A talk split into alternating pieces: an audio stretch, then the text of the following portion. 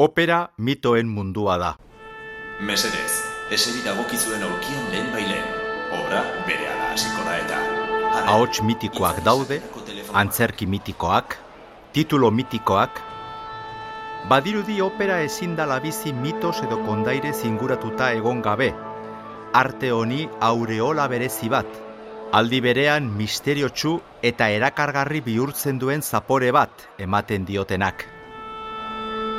Opera bat ikusteko eta entzuteko antzoki batera inoiz hurbildu ez direnek ere, ezaguna dute Maria Kalasen ahotsa.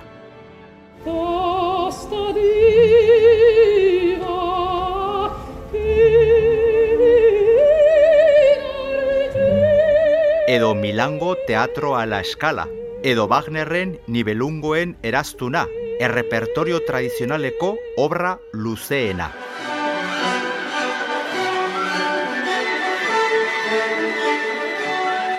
Mitoek eta kondairek operaren mundua gainditzen baitute, opera erabat arrotza zaien pertsonen gana iristeraino. Agian, zure ganaino entzule. Naiz eta inork ez dien ies egiten mito horiei, ez da zaleenek ere. Ni Enrique Bert naiz, opera zalea, eta opera prima izeneko podcast honetan, olberen eskutik operaren munduan sartuko gara. Batzuentzat agian lehen aldiz, mito horien atzetik ibiliko gara aztarna, ahots eta soinuak gure soinu libretoan apuntatuz, naiz eta ziur asko ez ditugu inoiz harrapatuko. Operan ez baitago ez maparik, ez GPS-erik, eta divertigarriena bere baitako bide amaigabeetan galtzea da. Basatoz?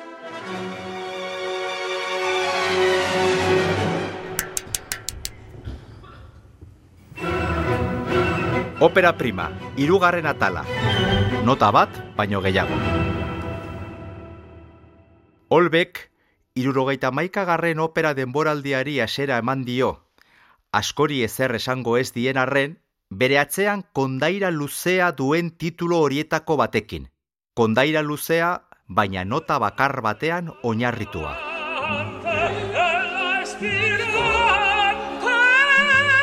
Titulo hori ipuritani, puritanoak, izan da.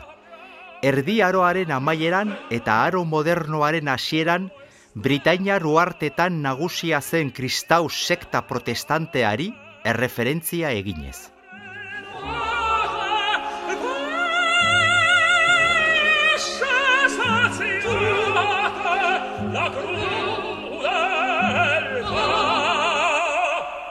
Baina inork ez desala espero teologiarik edo goi politikarik Vincenzo Belliniren lanaren emaitza den opera honetan. Aitzitik, amodiosko historia konbentzionala topatuko dugu. Lehen erromantizismo intelektualaren berezko elementu guztiek zipristindua. Nun elemento horiek, erligioa, politika, tresna hutsak diren, Arturo Estuardo Tarren aldeko errealista eta Elbira Puritanaren arteko maitasun historia garatzeko. Izan ere, operan, oroar, zorrostasun historikoak salda asko eta koipe gutxi.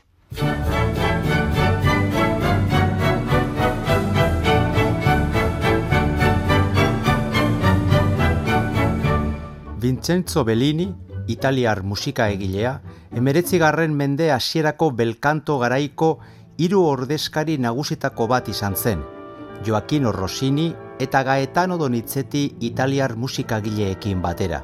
Batez ere opera nabarmendu zen, belkantoko bertutetsuentzat konposatuz.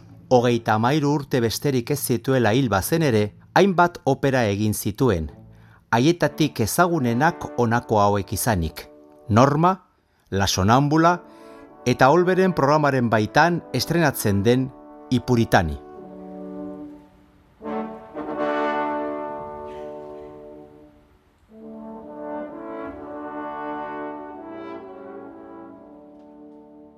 Beraz, obraren funtsesko bi elemento ditugu. Alde batetik, historio erromantikoaren konbentzionaltasuna. Eta bestetik, nota bakar baten kondaira. Kombinatzen baditugu, historia tradizionala dugu, zeina modu, agian bidegabean, operaren azken uneetan tenorrak jorratu behar duen notetako batek baldintzatuta aurkitzen dana. Fa sobragudo bat. Ia inoren eskura ez dagoena eta, hala ere, guztiek ezin egon eta ikus minez espero dutena. Iritsiko alda nota horretaraino? Bai, ala ez. Hor dago koska.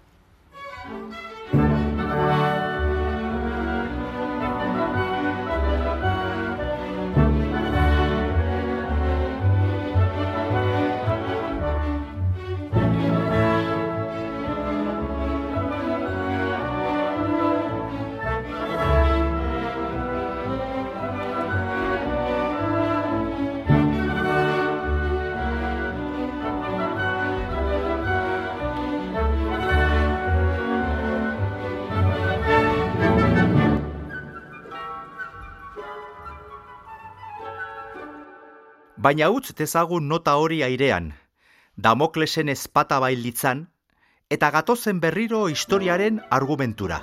Giroa militarra da, eta puritanoak poze soratzen daude, itxuras laster lortuko duten garaipenagatik.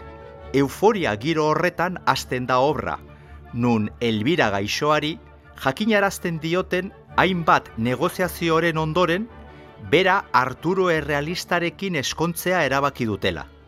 Izan ere, opera askotan bezala, emakumea gizonen aginduak eta erabakiak jasotzera mugatzen da hemen ere. Elbirak pozarren jasoko du albistea, eta horri esker, belinik sopranoarentzat zailtasun teknikoz petetako horriak idatz ditzake. Biek, Elbirak eta Arturok, sopranoak eta tenorrak, bat egingo dute eta Beliniren konposizio lerroaren edertasuna ederretxiko dugu.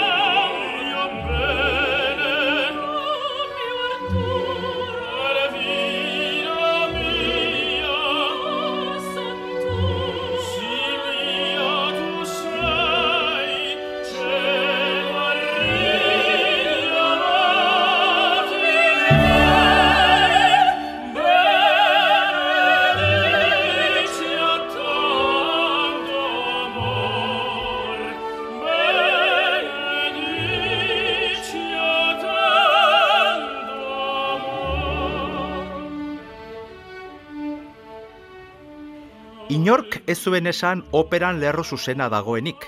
Asko izan dira bi protagonistek biziko dituzten gora berak. Batez ere Arturok, Estuardo Tarren aldekoak, gazteluan preso dagoen erregina deskubritzen duenean.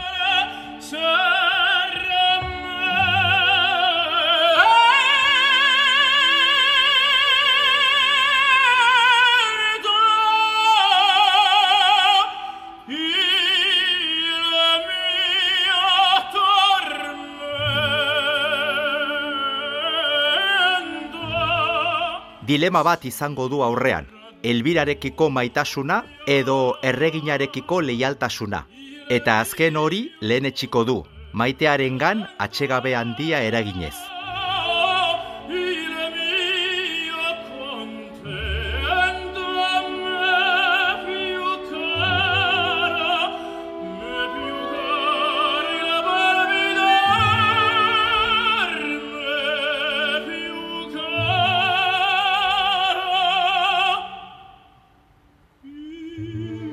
Eta hemen, elbiraren eldarnioa hasiko da. Burua galduko baitu bere lagun eta senide guztiengan tristura handia eraginez.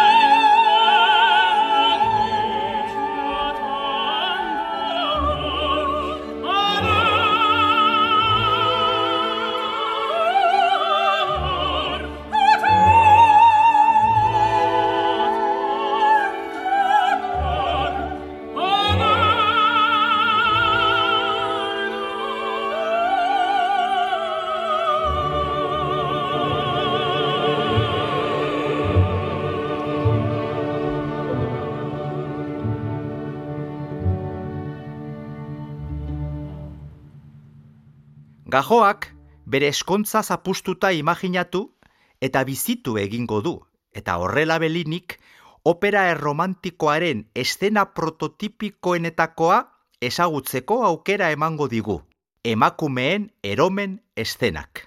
Erraitateari aurre egiteko gai izanez eta desorekatuta, eldarnioka, iparra galduta eta norabiderik gabe amaitzen duten emakume horiek. Ez, kontua ez da obraren irakurketa misoginoa egitea. Baizik eta Italiako opera erromantikoetako emakumezko pertsonaien deskribapenaren aurrean gaudela ohartzea. Pertsonaia pasiboak, aulak eta aldakorrak. Hainbeste tristeziaren artean, Belinik amaiera sorion prestatuko gaitu ez lehenago gizonezkoen errukia ikusi gabe, elbiraren osabaren aria honetan ongi adirazia.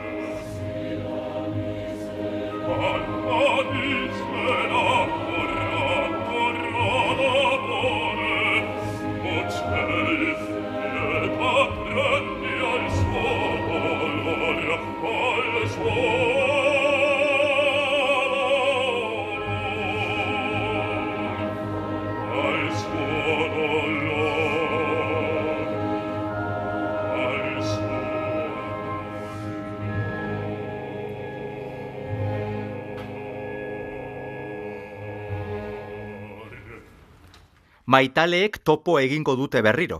Lehenik eta behin, klandestinitatean. Elbirarekiko maitasuna berretxiko duen Arturoren ustekabeko bisita batean. Hala ere, puritanoek preso hartuko dute azkenean, eta badirudi haren amaiera tragikoa saieste zina dela. Horrek guztiak, Elbira gaixoaren sikearen etengabeko aldaketak eragiten ditu, eromenetik arrazoimenera eta berriro eromenera joanez, argumentoan sinesgarritasun gutxikoa eta eraberean alderdi dramatikoan eraginkorra gertatzen dena. Zer gehiago behar du soprano batek bere ahots aukera guztiak erakusteko desoreka emozionala baino? Eta hala ere, kondairak bidea egin behar du. Fa hori, nota madarikatu hori zaleek disimulurik gabe espero duten nota hori. Bidegabekeria handiaren garaia badator, beraz. Izan ere, ez du asola ordura arte oso ondo abestu izana, pertsonaia sinesgarri bihurtzea, oholtza gainean ustu izana, asken nota hori biribila ez bada, horregatik bakarrik gogoratuko zaituzte, eta baita alderantziz ere, noski. Gatozen arira. Arturo atxilotu dute, Elbira erotu egin da. Puritanoak estuardo tarren aldekoaren atxiloketaz postu dira. Bertaratutako guzti guztiek beren atxekabea adierazten dute eta Arturok hau kantatu behar du.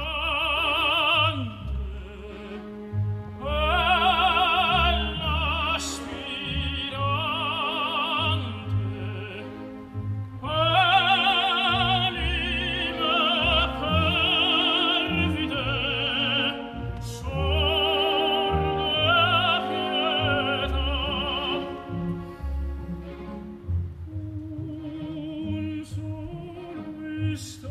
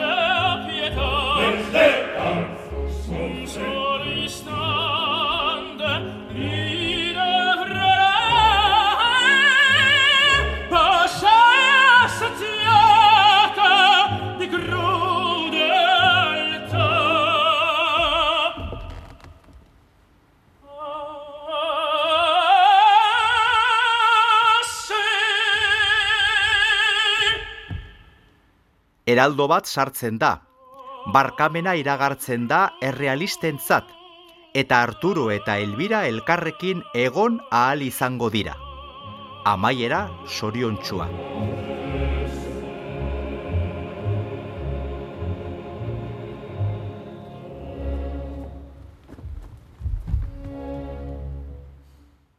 Baina hori oso gutxi asola zaigu zaleei. Izan ere, antzokitik irtetean, fa bakarrik aipatuko dugu. Fa madarikatu hori. Atzean kondaira oso bat daraman nota. Baina, aizu, zer litzateke arte ederrau kondaira hauetaz aritu gabe.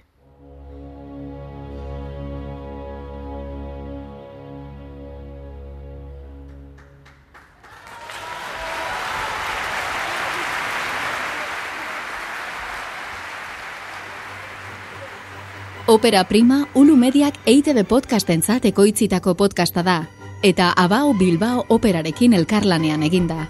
Lasarteko Ulu estudioetan grabatu eta editatu da. Zuzendaritza eta narrazioa, Enrique Bert. Gidoia, Enrique Bert, Martin Etxeberria eta Xavier Etxeberria. Soinu diseinua, Jon Gartzia eta Oier Arantzabal. Arpidetu eta entzun Opera Prima EITB podcasten, edo audioak entzuteko darabiltzun dena delako plataforman. Entzun hori. Ulu Media.